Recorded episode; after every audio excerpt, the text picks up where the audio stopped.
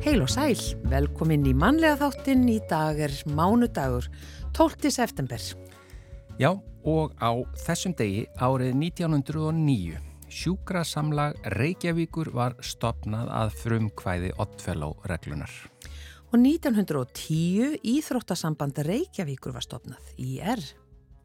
Já, uh, mestur mældur hiti á Íslandi í september var þennan dag árið 1949, 26 gráður á Dalatanga við Mjóafjörð.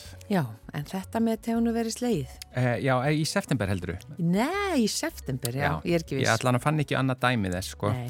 en það gæti verið að, en það verður mælst hærri hiti á Íslandi, sko, við höfum verið með steikjandi hita í gegnum tíðinu. Sko. Já, já, já. Í fyrra til dæmis fyrir norðan, það var nú aldeilis Aldilis heitt, Já. en fjölbreytaskóli Vesturlands á Akarnesi hann var stopnaður þessum degi 1977.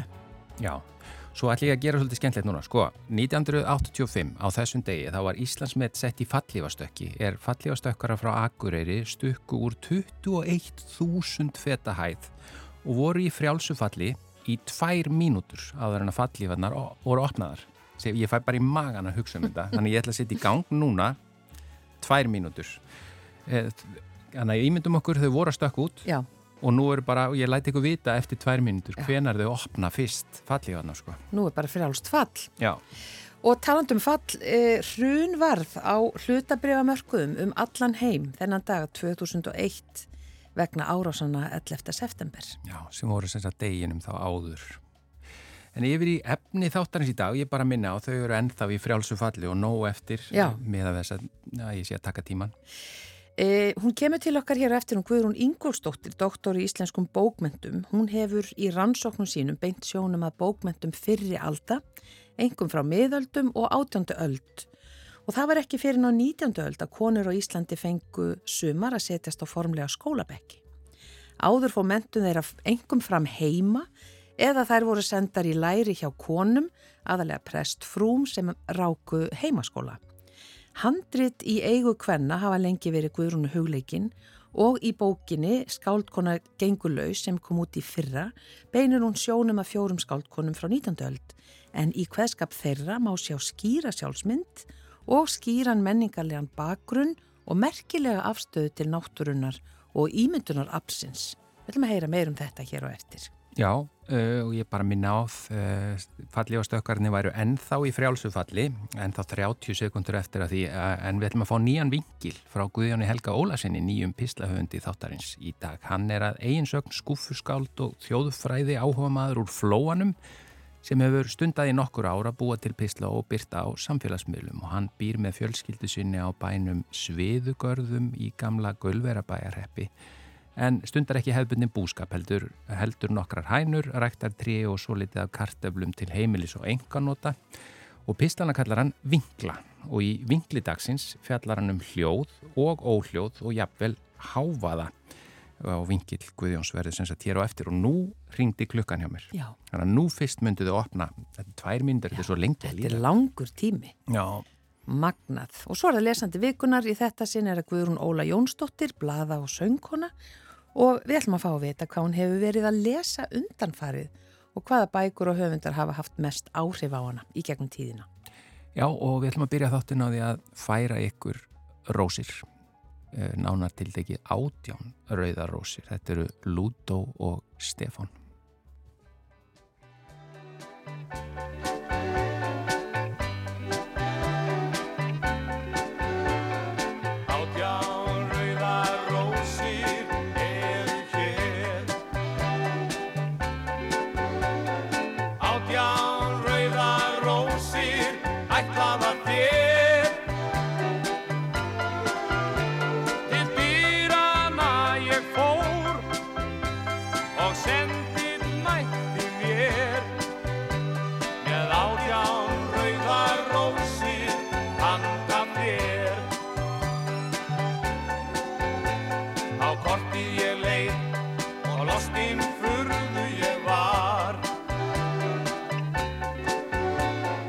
Las ég þau orð sem sem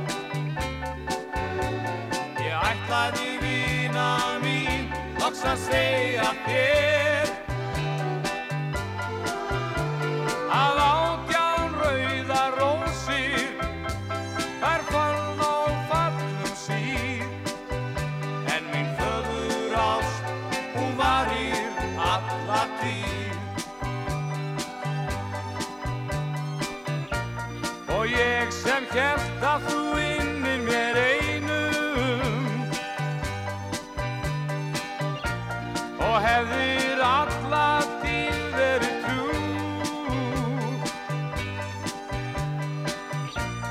En æfintýri þú áttir í leinum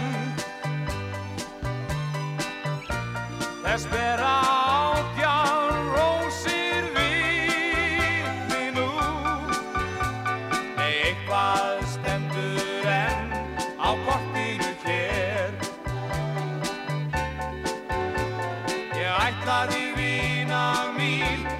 loks að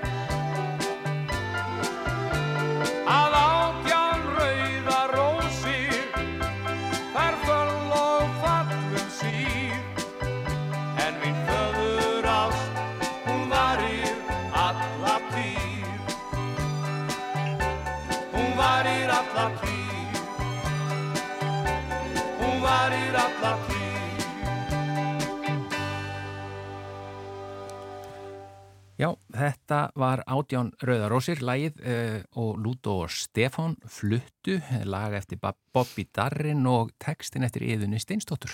Já, og hún er sest hérna hjá okkur um Guðrún Ingolstóttir, doktor í íslenskum bókmentum og við vorum með mitt að segja frá því hér í upphafskynningunni að hún hefur í sínum rannsóknum beint sjónum að bókmentum fyrrialda, engum frá miðöldum og átjóndu öld og uh, það var ekki fyrir ná 19. öld að konur í Íslandi fengu sumar að setjast á formlega skólabekki.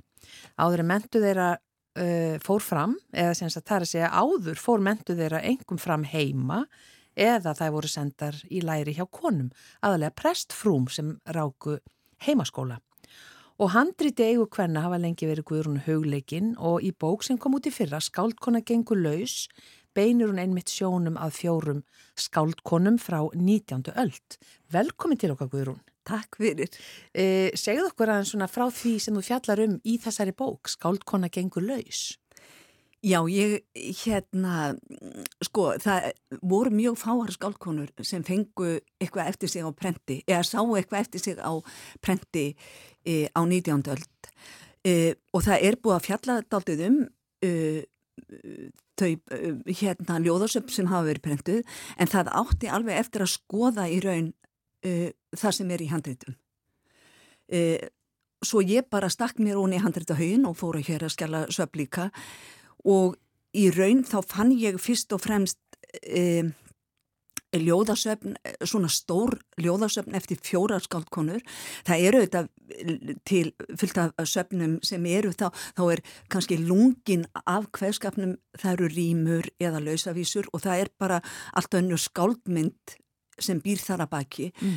en þessi söpt haldi ég að gætu gefið mjög góða mynd bara af eh, heimsín hvenna eh, viðhorfum og bara skáldmyndir að það er að segja bara eh, hugmyndum þeirra um sjálfar sig sem skáld og mér fannst einhvern veginn sko að já að, að e, það svona að, að ég ætlaði ekki að fjalla auðvitað kem ég inn á æfið þeirra. Mm. Íslendingar náttúrulega elska sko æfisugur en e, það er ekki mitt áhugamál. Ég sko, mér finnst æfið þeirra mjög áhugaverð og mér finnst e, forvinnilegt að skoða skálskapin í ljósi svona e, æfið þeirra en ég er fyrst og fremst að leita að því hvað þær voru að hugsa.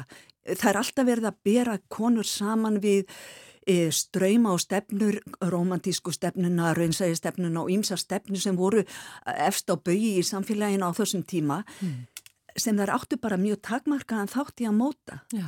E, þannig að mér fannst bara tími til komin að bara setjast niður með hann hvaðskap, liggja yfir honum, lesa hann fram og tilbaka og hugsa bara hvað voru þessar kellingar að spá, hvað voru þær að hugsa og bara leifa þeim sjálfum að tala og svona e, bara veita þeim rödd aftur, mm. veita þeim e, bara veita insýn í bara hausin á þeim því það er uh, hérna, það var oft, það, það er kallmenn hömruðu mjög á því á fyrir tíða konur stjórnuðust fyrst og fremst af uh, tilfinningum en uh, kallmaðurinn væri náttúrulega bara raukugsunin, holdi klætt og, og, og hinn skapandi hugur. Kallmenn vita miklu meira hvað konur hugsa en það er sjálfar að það ekki. Nákvæmlega, en, og þetta er meira segja menn það er hamrað á þessu hérna alveg fram á 20. stöld en svo hafa hugfræðingar og taugarleiknar sínt fram á að það er ekki hægt að taka neinar e, ákvarðanir bara yfir höfuð í lífinu öðruvís en að raukugsun og tilfinningar vinni saman þannig að kallmenn og, og konur hafa í raun átt alltaf að hérna leggja saman öll sín lóð á vogaskáluna og það gerði fólk auðvitað mm. þó einhverji lærðir kallar væru og kirkjunamenn væru að e, messa yfir fólki um eitthvert ídeal sem bæri að stefna að þá bara hrollkaldur veruleikin hann bara e, bara fólk hærði sig um í honum bara mm. eins og, og bara e, hendaði því best Já Og um hvað voru þær að hugsa? Að hverju komstu eftir að hafa farið í gegnum þetta allt? Sko ég skipti í raun bókinni, sko ég þema skipti bókinni. E, það er, höfuð personabókarinnar er Guðrún Þórðardóttir frá Valsamri, bóndakona.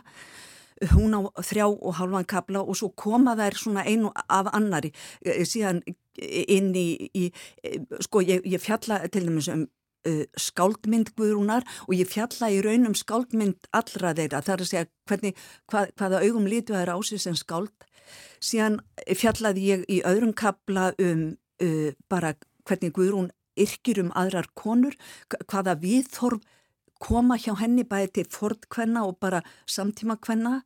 Síðan fjalla ég um náttúruna en ég auðvitað, náttúran er höfuð efni nánast alls hvaðskapar og þess vegna kemur náttúruna inn í alla kapla en ég hafði sérstaklega náttúrukapla sem ég fjallum náttúrukvæði guðrunar svo fjalla ég auðvitað um ástina, það er hitt efnið sem að allur hvaðskapur fjalla nánast um.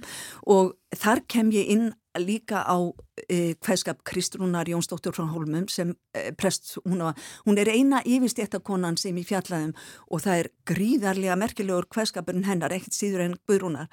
Og E, síðan e, sko hún er nefnilega þekkt fyrir það að vera svikna kærastan hans Baldvins og, alltaf líti á hana sem mikla harmkvæla mannesku en svo þegar maður fyrir að skoða hvaðskapin hennar þá byrtist líka miklu floknar í myndaminni sem er, er, er daldi gaman.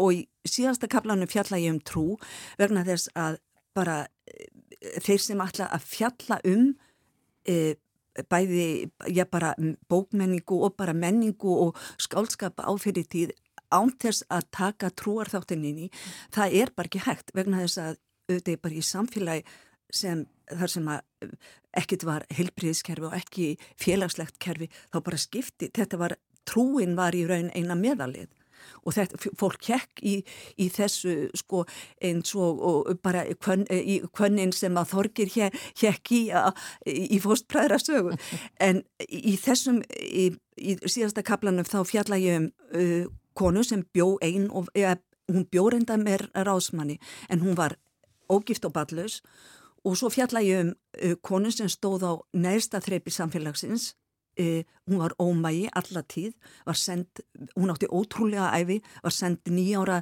til vandarlausra, þetta voru ofbóðslega fátækt fólk, bjó hérna á síðu nýjasjónum og hún endaði æfi sína á Holtzveikra spítalunum í Lögarnesi og sapnið hennar er e, fyrst og fremst e, það er einhver skrifar upp að því hún var blind, hún fekk, e, var blind í mislingafaraldri sem gekk hérna undir lók 18. aldar, nei 19. aldar og safni hennar er eiginlega svona mikrokosmos af holdsveikaraspítalunum þar sem hún yrkir algjörlega inn í þetta rými og hún, hún svo meðvituð um hlutverk sitt í lífinu. Þar að segja þó hún sé ómægi, hún er lægst sett af öllum, þá gengur hún inn á spítalan sem auðvitað, sjúklingur eins og allir aðrir og hefur þessa sko þetta menningarlega auðmaks sem skáldskapurinn er. Og hún á, bara ætlar greinlega, maður sér það á þessu safni, að nota það öðrum til hjálpar. Já, og hvað, eh, bara því við vorum að tala um að, sem sagt, eh, já, áður en hérna konur gáttu komist í skóla eða sesta skólabekki, þá, þá voru þær að læra þarna hjá aðalega prestfrúm eða heima eða, þær voru fyrst og fremst hjá eh, heima en það Já. voru náttúrulega bara yfirstéttakonur sem voru sendar kannski til eh, einhverja uh, sko annara kvenna sem kendu þeim þá uh, yðurlegast var það svona það var náttúrulega bara heimilishald en þær fengu þá líka einsýn í heim bóka og auðvitað framan af eru það fyrst og fremst yfirstéttakonur sem eiga bækur en síðan uh, eftir bara sem aldrei líða þá, e, því, þá sjá, sér maður bækur í höndunum á fleiri konum, bara af læri stjættum uh, e, og, og uh, pappi, sko, allt trúarlegt efni það var prentað. Kirkjan hafði einangun á prentverki og það er ekki fyrir nýja lók átjándaldar sem að það breytist og það er farið að prenta líka eitthvað meira að veraldlegu efni. Kirkjan prentaði auðvitað lög og, og það hérna var líka, það var kom á tímabili var prenta pínliti af fortsögum mm. en þetta var aðlega trúarefni. Allt verallegt efni ferðaðist um í handritum og e, eftir því sem pappir varð ódýrari því sko fleiri handrit og bara bækur sjáum við í höndum bara almennings. Og, og það er oft, sko fólk hefur þess að ímynda konum að þær hafi verið fyrst og fremst guðrættar og síðbrúðar, jú, jú, þær voru það örgla sumar reyndu þetta að lifa upp í þetta ídeal. En e, bækur hvenna, af því ég gaf út 2016 bók sem heitir ákverju lík ekki fóra kellingar, að þar sem ég síni fram á sko að bækur hvenna voru miklu, miklu fjölbreyttari en fólk hefur uh, áðurhaldi og líka að ég, það reyndi ég að svara þeirri spurningu hvað bækur hvað hva, hva, hva, tilgangi bækur þjónuðu í höndunum á konum. Mm, akkurat. Eh, Guðrún, þú ætlar að fjalla um já, allt þetta sem við erum búin að tala um hér og margt fleira eh, í fræðakaffi í dag klukkan kortir yfir fimm í menningarhúsinu eh, eða í menningarhúsi Spönginni borgarbókasafninu og yfirskriftin er Guðræstan, Náttúran og Grettan og svo er líka skemmtilegt hvernig orðar í kynningu hérna er ekki komin tími, tíma og örlíti meiri diskant í, í, í sama gamla falska sönginum konur, mentundur og skálskap Er þetta að koma með diskantinn? Já, vonandi. Já. En við kveitum fólk til að hérna sækja þetta. Aðgangur ókipis og bara virkilega áhugavert. Kæra þakki fyrir komina Guðrún Ingostóttir Kæra þakkir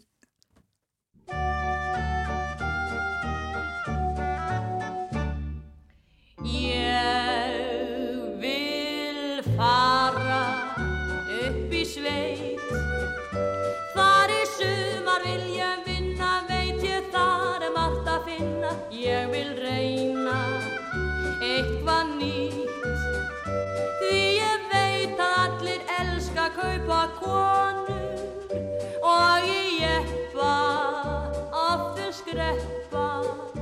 Ímislegt mun gerast þar um sumar kvöldin Þá með einum, oft í leinum Einn ég fari það með skada getur ekki neitt. Og mér um það.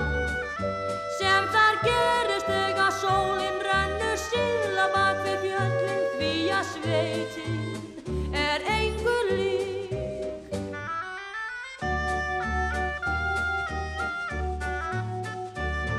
Um ljósan og við leiðumst okkar veg við lækin bak við ásinn þú og ég.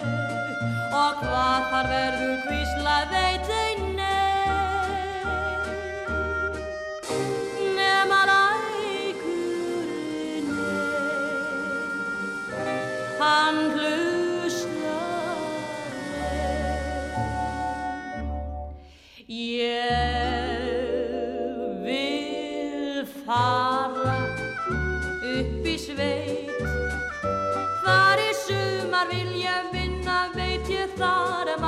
finna Ég vil reyna eitthvað nýtt. Því ég veit allir elska kaupa konur Og í jeppa oft vil skreppa. Ímislegt mun gerast þar um sumar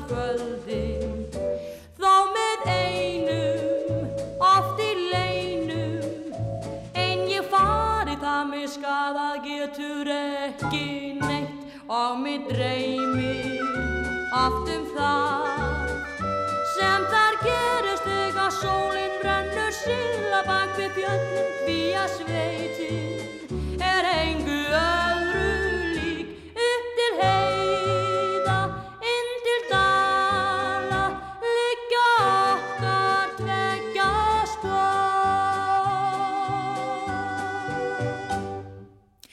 Ég vil fara upp í sveit, Eli Viljáms sönglægið er ítalst, Tjúra Sella, Tjúra Sei er sungið þarna í viðlæginu eh, og það var Jón Sigursson sem gerði íslenska texta. Já, en nú ætlum við að fá uh, annan pistilinn í röðinni Vinglar frá Guðjóni Helga Ólasinni. Þetta er sem sagt Vingill dagsins. Ágætur hlustendur, stundum er alveg ferlegur háfaði í kringum hann. Annarkvort eirnarskerandi hátíðni hljóð eða svo þungar og háværar drunur að ósjálfráð viðbröð manns eru að grípa fyrir eirun. Sumir ganga jafnvel svo langt að falla á knés sér, jafnvel hrópa af ángist og kvölum. Stundum tölum við um háfaða en erum í raun bara mótfallin ákveðnum hljóðum. Finnst þau leiðinleg og alls ekki til þess fallin að auka viðstöddum velíðan nema síður sé. Kanski er í nærum hverfinu verið að spila tónlist í hljómflutningstækjum og okkur finnst hún leiðinleg. Við segjum hátt og skýrt með fyrirlitningu í málrómnum að þar sé nú óttalegur háfaði. Sem dæmi er upprópunin Er ekki hægt að lækka í þessu gargi, maður heyrir ekki sjálfum sér hugsa hérna. Ég er segur þarna og er mögulega að spekla eitthvað úr minni æsku. Aðrir úr hópi viðstættra eru mögulega hæst ánaðir með umræta tónlist og spilunarstyrk hennar og vilja frekar hækka en hitt. Af þessu geta spunnist hatramar deilur, jafnvel á milli fjölskyldum meðlima þar sem samkomulag telsta öðru leiti til fyrirmyndar. Með hjálp vísinda og tækni er mögulegt að mæla hljóðstyrk með nokkuð örugum hætti og hafa rannsóknir síðan leitt í ljós hversu hár hljóðstyrkur er mönnum hættulegur, þreytandi eða eftir atvikum algjörlega hættulaus. Slíkar mælingar eru hins vegar með öllu ónótæfar til að lýsa smekkmanna fyrir umhverfisljóðum. Þar verður hver að hafa sína sérvisku. Til er fólk sem veit ekki betri umhverfisljóð við uppvask og frágang í eldhúsi en óperuna Niblungarringin eftir Richard Wagner á háum styrk. Sérstaklega þegar hægt er að láta upp af þriðja þáttar hitta á að þurka af borðum og raða stólum. Á meðan eru til þeir sem við sömu aðtöfn kjósa að hlusta á lægið Rognin eru að koma að fyrstu plötu utangarðsmanna á meðan enn aðrir vilja þurka af og stóla upp við lægið Nú er ég léttur með hljómsveit Germundar Valtíssonar. Sýnist sitt hverjum. En aftur að hljóðvísindum. Á vef stjórnaráðsins má finna reglugerð um háfaða. Þar má finna eftirfarandi klausu í þriðju grein tilvittnun hefst. Decibel, skamstafað D, B, jæmt og A, Mæli eining fyrir hljóðstyrk mælt í desibelum með svo nefndri A-síu sem líkir eftir næmi eirans, tilvittnun líkur. Þetta segir okkur auðvitað ekki neitt, en hægt er að fletta því upp að standi maður í 20 metra fjarlæð frá þóturhefli. Já, við skulum til einföldunar gefa okkur að viðkomandi reyfill sé þá í gangi og snúist, annars væri dæmið gagslust. Er háfaðinn 130 desibel. Slípir okkur með skurðarskífu gefur frá sér 110 desibel. Hávær klassísk tónlist, kannski Wagner, getur mælst 95 desibel. Hávær rocktónlist 120 desibel en löfblöð sem fjúka yfir skóarstíg á mildum haustdegi gefa ekki frá sér nema 15 desibel. Eins er algengt að hljóðstyrkur í verslunarmiðstöðum sé 70 desibel. Og þá er verið að meina almenningsrými þeirra því sumarverslanir í slíkum miðstöðum spila tónlist af talsvert hærri styrk en það. Til dæmis algengar fataverslanir. Sæmileg heyrn er mikil lukka. Sjálfur er ég farin að tapa heyrna einhverju leiti, segir mér sambilisfólk mitt og lýsi þar sér vist þannig að í aðstæðum með miklum umhverfisljóðum á ég í brasi með að halda upp í samræðum við fólk sem ekki talar þeim mun hærra og skýrar. Ég grýp gerðnan til þess örþrifur áðs að segja hátt og snjált HA og reyna með því að gera hlje á samtalenu og fá viðmælanda minn til þess að endur taka síðustu setningu svo ég geti tekið upp þráðin. Mér hefur marg ítrekka verið bent á gagnsefmi heyrnartækja og sumir ganga jafnvel svo langt að halda því fram í mín eiru að ég gerði gott í því undir eins og nú þegar að hitta sölumenn slíkra tækja og festa snarlega kaup á einu pari. Þá er þið myndur samskiptavandi minn undir eins úr sögunni og ég gæti farið að taka þátt í samræðum við hvert sem er og hvar sem er jafnvel í barnaafmælum sem haldin eru í stórum steinhúsum með hátt til lofts og fáum húsgögnum. Nokkuð sem ég hef reynd að forðast eftir fremsta megni. Við slíkar aðstæður eru þau hljóð sem eirum í nema ekki ósvipu því ef diskaherfi væri dreyið á pústurarslausri dráttarvél eftir þurru malbyggi með útvarpiði stilt á langbilgju og þáttur um dauðaflautu Azteka indjána stæði sem hæst. Sem sagt frekar óþægilegt og svipurinn á manni eftir því en svo far maður yfir leitt kaffi og tertusneið sem var nú býstna langt með að lækna eirnaverki. Ég er ekki alveg vissum gagnsemi hjálpartækja heyrnarlífsins í mínu tilfelli heldur, satt að segja skítrættur um að þá fari ég skindilega að heyra alls konar hljóð sem ekkert er varið í eins og til dæmis aðfinnslur í minn garð og var það tækni mína við að brjóta saman þvott eða setja tegjulag á rúm.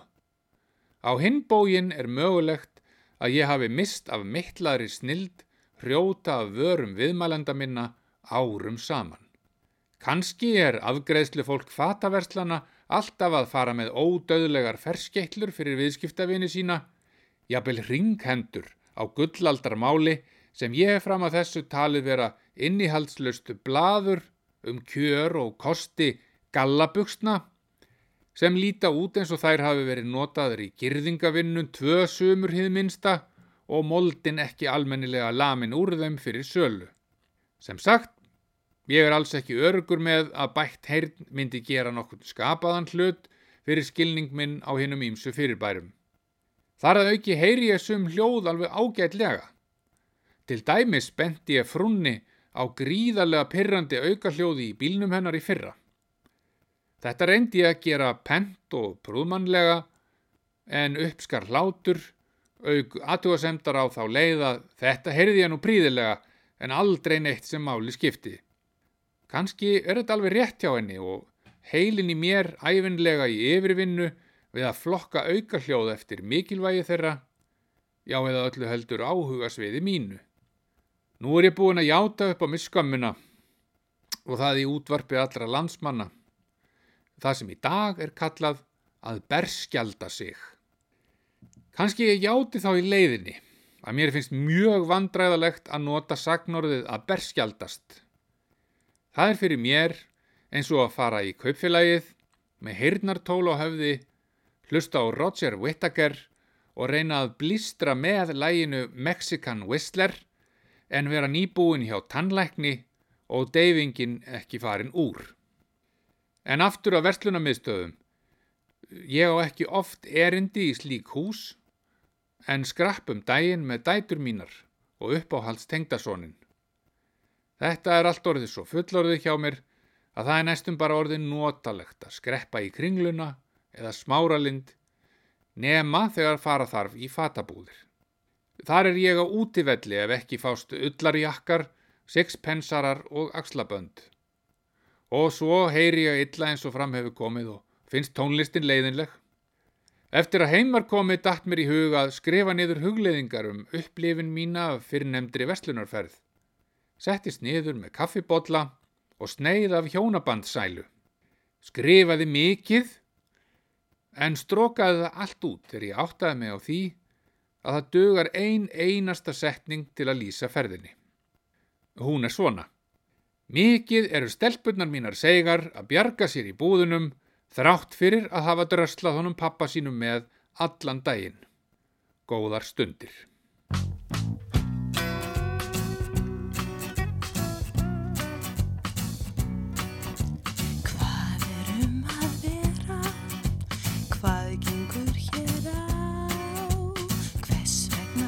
Er ljós í stofunni?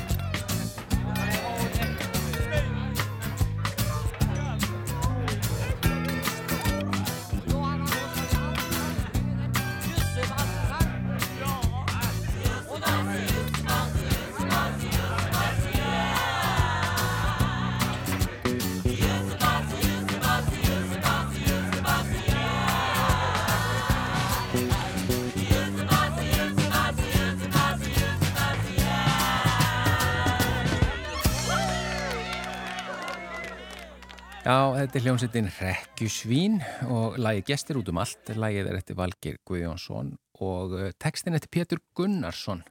En hingaði komin lesandi vikunar og í þetta sinn er það Guðrún Óla Jónsdóttir, blada og söngkona, kontu sæl og blessuð og takk fyrir að taka að þér að vera lesandin. Blessaður, takk fyrir að taka á móti mér. Hvað hérna ef við aðeins kynnumst þér, blada og söngkona, hvað hérna, já þú getur hækkað þarna einhverstaðar, það er takki, hún, hún er að benda mér og hún heyri ekki í heyrnatólunum sem hún er með eironum, já já, þá tekur þau um bara niður. Sleppum þessu bara. Já, hvað, hvað hérna segðu okkur aðeins betur frá þér, blada og söngkona? Já, ég er bladamaður á vikunni, bladakona vikunni, Mm búin að vera þar í tæp fjögur ár og svo uh, var ég að syngja lengi í Kóru Lindakirkju og svo bara syngi svona hér og þar. Það var einmitt gaman að hitta Guðrún og Gunnar sérna á hann, ég rakst á hana. Já, þið hafa nú staðið á sviði saman að sungið. Já, við hérna vorum til dæmis saman í, í Jesus Christ Superstar sem var sett upp 1995 í borgarleikusinu. Þannig já, já, ég hef svona komið víða við í, í því þótt ég sé kannski ekkit eitthvað heimsfaraðið á Íslandi. Já, já, en, en sko, svo er önnur tenging sem er mjög sterk við þennan lið. Mhm. lesandi vikunar, því að þú lest mjög mikið af sögum eh, hljóðbókum upp. Já, ég er að lesa uh, reynda lífsreynslu sögur vikunar sem Já. byrtast í hverju viku og er bara eitt vinsalasta efnið okkar, ef ekki það vinsalasta sem er búið að vera alveg til margra ára í blaðinu, Já, vikulegur þáttur. Og nú hef ég verið að lesa uh, þessar sögur inni á fyrir Storytel. já, býtu og þetta eru hvað, er þetta sannar sögur? Þetta eru sannar sögur, Já, ótrúlegt en satt. Og íslenskar sögur? Já, allt Já, íslenska sögur og ég heyrði af því einu sinni fyrir mörgum, mörgum árum þá ætlaði einhver sem var að skrifa þessa lífsænslu sögur að bjarga sér af því það vantaði og var svona tímaþröng með þetta Mm. og ætlaði að bjarga sér og fann einhverja sögu í alveg eld gömlu dönsku blaði og mm. þýtt hana bara, nei, nei það var bara einhver lesandi sem var mjög ósáttur því hann þekkti þessa sögur þessu eldgamla danska blaði Já, svo það hefur ekki verið reynd aftur það þannig bara hægan, hægan, ekki lengra með þetta. Akkurat, En, hvaðan hérna finnið þið fólk til að segja ykkur þessar uh, sönnu sögur? Er þetta, uh, er þú að vinna í því líka þá? Nei, við höfum verið með bara bladamann sem Já. sér algjörlega um það og, og bara spjallar við fólk og það er oft fólk, minna, við eigum öll sögu og margir eru tilbúinir að koma fram og segja sína sögu og bara sem er alveg dásanlegt en svo eru líka margir sem að vilja segja söguna en kannski ekki endilega láta á sig bera. Já, og við verðum það og já, þannig að við höfum verið bara alveg ótrúlega hefnar með að fá efni frá fólki, við erum óbúslega þakkláttu fyrir það. Hva, og hvað er hver saga löng, til dæmis svona í hljóð, hljóðbókarformi? Já, ég ætla hún sé ekki svona um svona 8 til 10 mínútur Já. en sko við erum með 5 sögur í hverjum þætti og Já, ég já. var til dæmis núna í síðustu viku að lesa þáttnumur 100. Já, til með það. Já, Sko. takk. Og, en vindum okkur í lesturinn þinn. Eh, Já. Þú ert hér sem lesandi vikunar. Eh, mér var bent á þig sem lesanda. Þú ge- góður kandidat í það. Hva, hvað lestu yfirleitt? Eða hvað er svona, er, er það einhver einn típa af bókmyndum frekar en önnur? Já, ég myndi segja sko að krimmarnir eigi svona hugminn allan og Já, ég myndi segja það. Ég var sko í kennaranámi í háskólanum þar sem ég var á íslensku kjörsviði, já. þannig ég er íslensku kennari líka Uh eða mentu sem slík og hérna þá ég fjekk alveg pínu nóg, það var náttúrulega alveg dásamlegt að lesa, þú veist, Lagsnes og Tór Vilhjáms og, og auði öfu, mér finnst hún alveg gegguð, hún er Mhm. alveg uppáhaldi hjá mér en ég, að sko, þetta var svo mikið að svona, maður þurfti að greina þetta allt alveg í öreindir, sko, Já. og skrifa greinargerð eftir hverja bók og þannig og þá fa- fannst mér búið gott að geta eftir háskólanámið farið að leita svolítið bara í svona aftreyingu þar sem að, þú veist, Já. ég bara las Já. En ég les alveg auðu öfu, öfu og, og hérna Steinu Sigur þar er líka miklu uppáhaldi af þessum íslensku. Já, Söðvita Issa og Arnaldur og Ragnar Jónasson og við höfum náttúrulega frábæra höfunda. En já, svona krimmatnir og romantíkin myndi ég segja. Sko að því að hérna, þú, þú nefndi bara Irsu og Ragnar og, og Arnald. Já, Eh, en, en romantíkin, Hva, hvaða bá, bókmenn, bækur ert að lesa þar? já, sko það er aðalega erlendu höfundarnir. Finnst svona íslensku höfundarnir eru meira í morðunum einhvern veginn. Já, og hérna, þannig að ég er með til dæmis Miss Jenny Colgan alveg æðisleg, hún skrifaði til dæmis ströndina endalösu, ég er nýbúin að lesa hana hún var Já. rosa sætt og Sophie Kinsella finnst mér alveg frábær líka, hún er líka fyndin hún skrifaði hérna draumaveröld Kaubalkans sem að snerti svolítið svona heima einhvern veginn, já, ég kannaðist því ýmislegt þar, Já, þú þekktir eitthvað í því, já. þekktu mig eitthvað aðeins, já. já, já. En, en þetta eru að þetta eru rómantískar bækur. Já, svona rómatískar, svona léttar bækur, myndi ég segja. Já. Ég hef líka lesið Guðrúnu frá Lundi og svona, já, já. já, já, já, en ég, ég, ég var bara að höggva eftir því hvort það væri mögulega sko bara, þú veist, eins og rauðu ástasögurnar eitthvað slíkt, sko, Sko, ekki lengur, en ég las þær þegar ég var, já, ég lík við þessi krakki, ég byrjaði rosalega snemma að lesa og ég var alveg, ég bjó sko, þú veist, heima hjá mömmu og sýstu minni og ömmu og þar var mikið verið að lesa rauða ástasögurnar Mhm.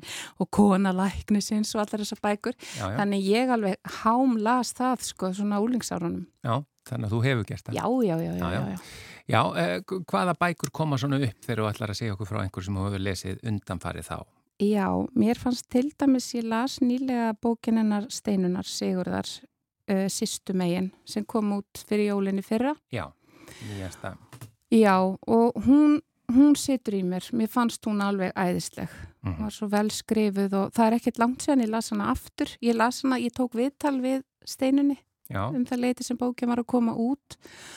Þannig að hérna, uh, já, mér fannst hún bara svo fallega skrifuð og hún gerði þetta svo á svo fallegan hátt og hérna, mér finnst hún alveg frábær. Þannig að það er ekki langt sér ég las hana. Já, og svo rifjaði ég nú aðeins upp svaru brefi Helgu um daginn af því að ég ætla að fara myndina. já þú ert ekki búin að sjá hana. Nei, ég er ekki búin að sjá hana. Já, er á leiðinni og hérna, ég las hann einmitt í háskólanáminu og ég man bara, hún hafði rosalega áhrif á mig, mér finnst það rosalega fallega skrifið já, og myndi mig dálítið á aðra bók sem ég las líka aftur um daginn af því að um, ég horfði á myndina núna í flugi, ég var að koma heim frá krítum daginn, þá horfði ég á hana Bridges of Madison County og manns kannski eftir henni já, er ekki Clint Eastwood og Meryl Streep? Jú, jú, jú, jú. Hún hafði rosalega áhrif á mig. Það er eiginlega svona bókin sem ég bara nefni.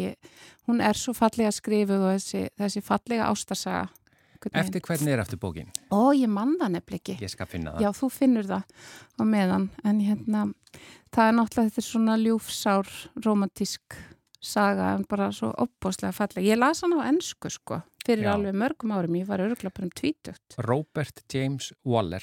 Já, er þess að skrifa af kallmanni. Já, Já. og ég meina, nú ertu búin að finnst upp með sér dásamlegt. tvær romantískar skrifaðar að kallmanni. Það er eftir Já. Bergsen Birgis. Akkurat. Já, því hún er nú romantísk. Já, hún er það. Hún er það, sko. Já, og þannig að þetta geta þeir líka. Þetta geta, Kallarnir, ha? já, sko til. Já, já, en hún er hérna, já, hún er náttúrulega eiginlega, já, mikil ástasa svari breyfi helgu, sko, og það er, mjög, ég er forvitin að vita hvað þér finnst síðan eftir úr sér myndina. Já, akkurat, ég Þetta hlakka er- svolítið til. Já, þetta er glíma að setja skáldsögu yfir í, í kvikmynd. Já, já akkurat.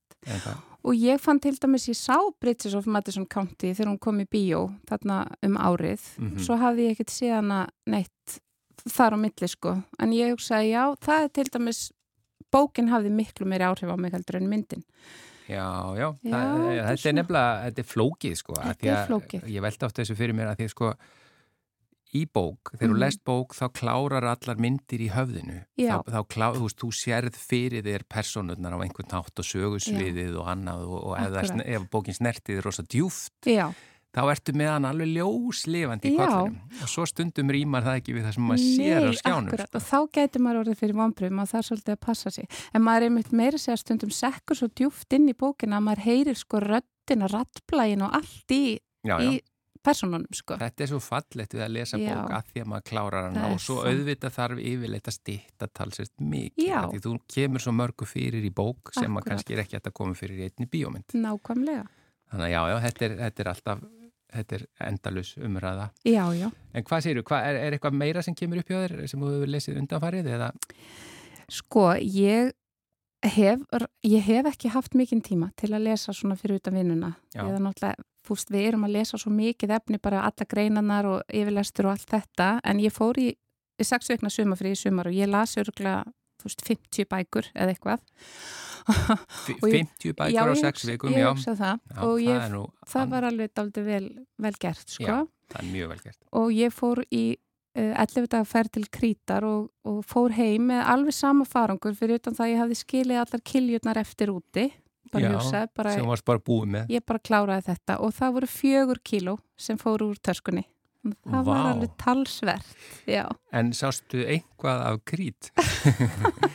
Ég var búin að sjá krít áður, Já, nú, þannig að nú. þetta var bara svona Ég hef verið þarna áður, þá tek ég bara með bækur Já, tek bara bækur og ég fór bara ein, þannig að Já, já. það voru bara ég og bækurnar. En þetta er svo fyndið hvað maður gefur sér oft bara tíma þegar maður kemur, veist, Já. kannski í svona, svona aðstæður. Akkurat. Bara hita og, en enda líka bara frábært að sita úti og lesa. Það er bara besta sem ég veit, það er bara að koma mér vel fyrir með góða bók. En hvaða bækur standu upp úr úr krítarferðinni?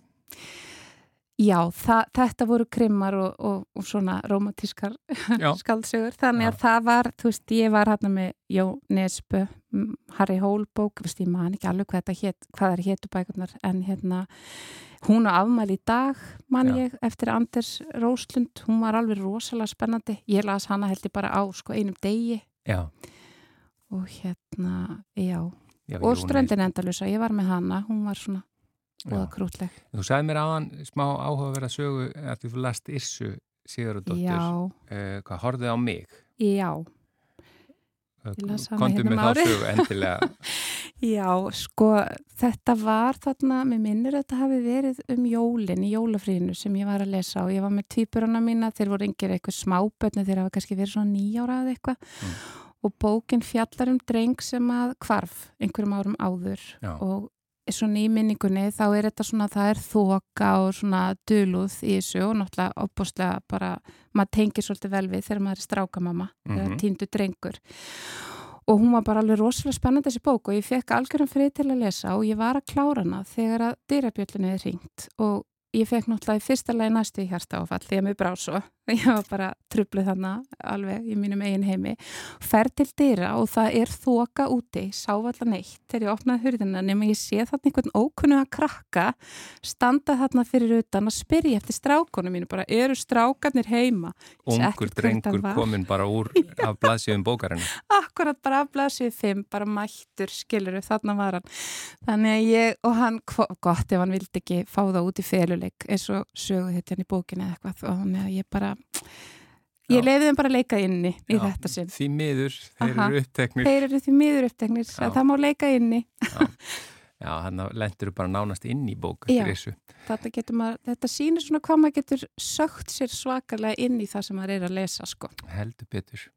En uh, Guðrún Óla, uh, einhver, ef þú ætlar að nefna einhverja höfunda eða bækur sem hafa svona virkilega sem sýt í þér, uh, ef þú mætti kíkja alveg lengst aftur í tíman og mátt fara eins langt og þú vilt, hvað kemur upp í kollin? Já, sko þetta er að það er bara svo erfitt að gera upp á milli. Þú veist, ég bara, ég las náttúrulega alveg opbúrslega mikið eftir Ennett Blyton og ég hef alveg meira þess að stundum gluggað í á allar þessar bækur ennþá. Ég Já. hef stundum gluggað í það, þú veist, þetta er náttúrulega það sem hafði svona áhrif á mann þegar maður var krakki. Já. Og eins og ég saði áðan, Steinur Siguradóttir er í miklu uppáhaldi. Mér spækunar hennar mjög áhrifaríkar svona Það eru bara svo marga bækur, það ekki, og margir höfundar, það er eiginlega ekki samkjönd að gera upp á milli. Ég læti þá ekki gera meira upp á milli. Nei, takk, Guðrún. Óla Jónsdóttir, þú ert kallið gógó. Já, Já, takk kjalla fyrir að vera lesandi vikunar í mannlega þættinum í þetta sinn. takk fyrir mig.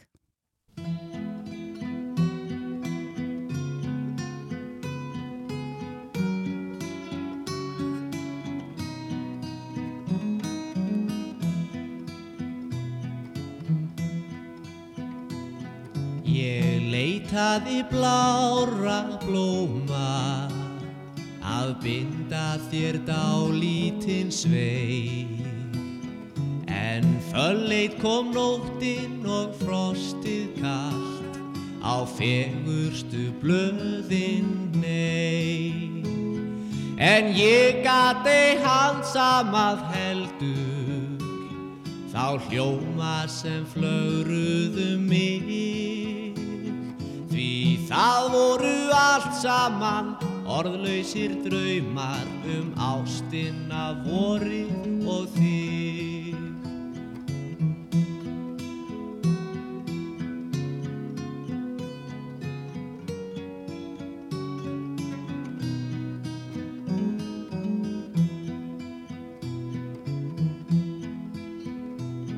En bráðum fer sumar að sunnan og syngur þér öll þau ljóð sem ég hefði kosið að kveða þér einn um kvöldin sólbjört og hljóð.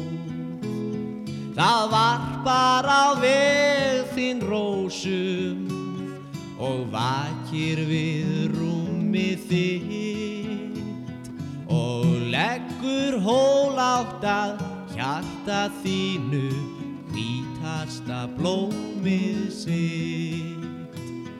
Ég veit ég öfunda vorið sem vekur þig sér hver dag sem syngur þér kvæði og kveður þig með korsi hvert sólarlag.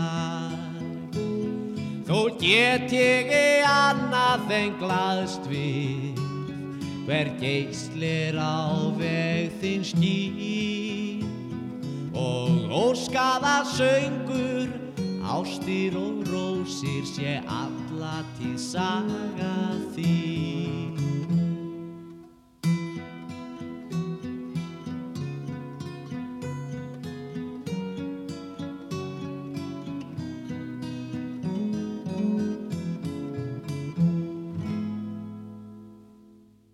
Þetta var Hörður Torfason að syngja lag sitt Ég leitaði blára blóma við texta Tómasar Guðmundssonar. En við ætlum að minna á að á fymtudaginn þá er uh, sérfræðingur í þættinum. Það er Margrét Sigfúsdóttir heldur betur sérfræðingur. Já, hústjórnakennari Já. og uh, við ætlum að uh, bara uh, taka allt heimilishald fyrir. Það er að segja, þið getið sendt spurningar um allt sem við kemur heimilishaldi. Já, hún er Innkaup- snillingur í innkaupum Já, já. ræstingar, Já. uh, eldamenska og bara hvað sem ykkur dettur í hug. Já, hún er, sko, það er ekki komið að tómum kofanum Nei. í neinu af þessu. Með hvaða efnum er best að þrýfa, hvernig er best að standa að innkaupum, á maður að gera magn innkaup, á maður að fara kannski frekar í búðina einu svona dag, e, bara allt sem við kemur heimilishaldinu og hún ætlar líka að koma inn á bara umgengni inn á heimilum, hvernig á að halda í horfinu, e, tiltekt og annað. Hún kemur með mörg góð ráð og við hvetjum ykkur til þess að senda spurningar Mannlegi at rúð.is eða mannlegi hjá rúð.is sendiðin spurningar Margrét Seifúsdóttir hústjórnakennari og hún var skólastjóri í hústjórnaskólanum ekki? Já. Já. Eh, hún mun svara þeim á fymtu daginn en við þakkum innlega fyrir samfylgdin í dag verðin hér á sama tíma á morgun verðið sæl.